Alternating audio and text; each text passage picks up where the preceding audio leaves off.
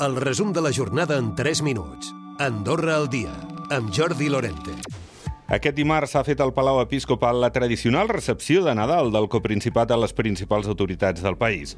Joan Enric Vives ha fet una crida als poders públics i a la societat per resoldre el problema de l'habitatge i millorar la vida dels que tenen sous més baixos.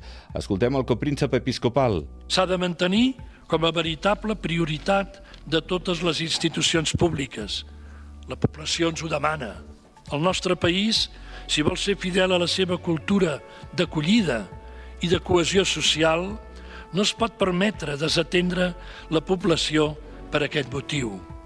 Quan a l'acord d'associació ha dit que s'expliqui molt bé a la ciutadania en què consistirà perquè quan sigui el moment es voti amb coneixement de causa sobre el que representa aquest acord. En l'acte, en aquesta recepció de Nadal del coprincipat eh, episcopal, hi havia també el cap de l'executiu, Xavier Espot. Després d'aquest acte, ha analitzat la situació d'aquest trencament de negociacions entre la CEA i el col·lectiu sindical sobre l'augment dels salaris. Ha dit que el govern serà el més just possible. Això vol dir, evidentment, tenir en compte la viabilitat del nostre teixit econòmic i empresarial i tenir en compte també eh, les persones més necessitades de protecció, que en aquest cas són els treballadors i particularment els treballadors que tenen els salaris més baixos.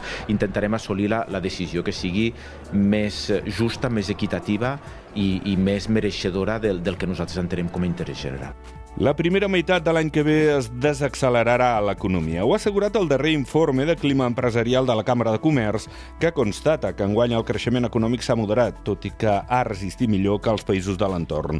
Entre els obstacles, l'encariment dels subministraments i la falta de la mà d'obra qualificada preocupa el 40% dels empresaris.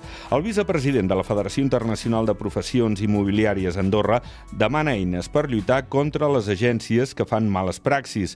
El vice vicepresident de FIAPGI, Jordi Ribó. Sé que és molt difícil perseguir això. No hi ha eines suficients per perseguir-ho. T'ho diré, dintre del col·legi, dintre...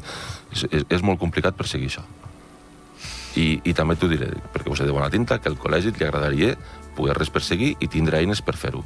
Protecció Civil ha tancat l'any amb 18 intervencions, la majoria en l'àmbit del temps, en un any en què s'han activat 7 prealertes, 5 d'elles per altes temperatures, dos més que l'anterior. També s'han activat una cinquantena de dispositius preventius de seguretat.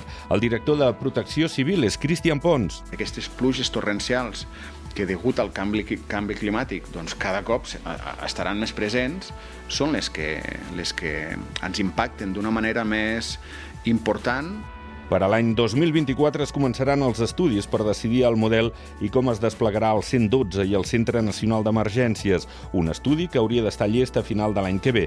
També es desplegarà la Llei de Protecció Civil, que es va aprovar el 2022. Recupera el resum de la jornada cada dia a AndorraDifusió.d i a les plataformes de podcast.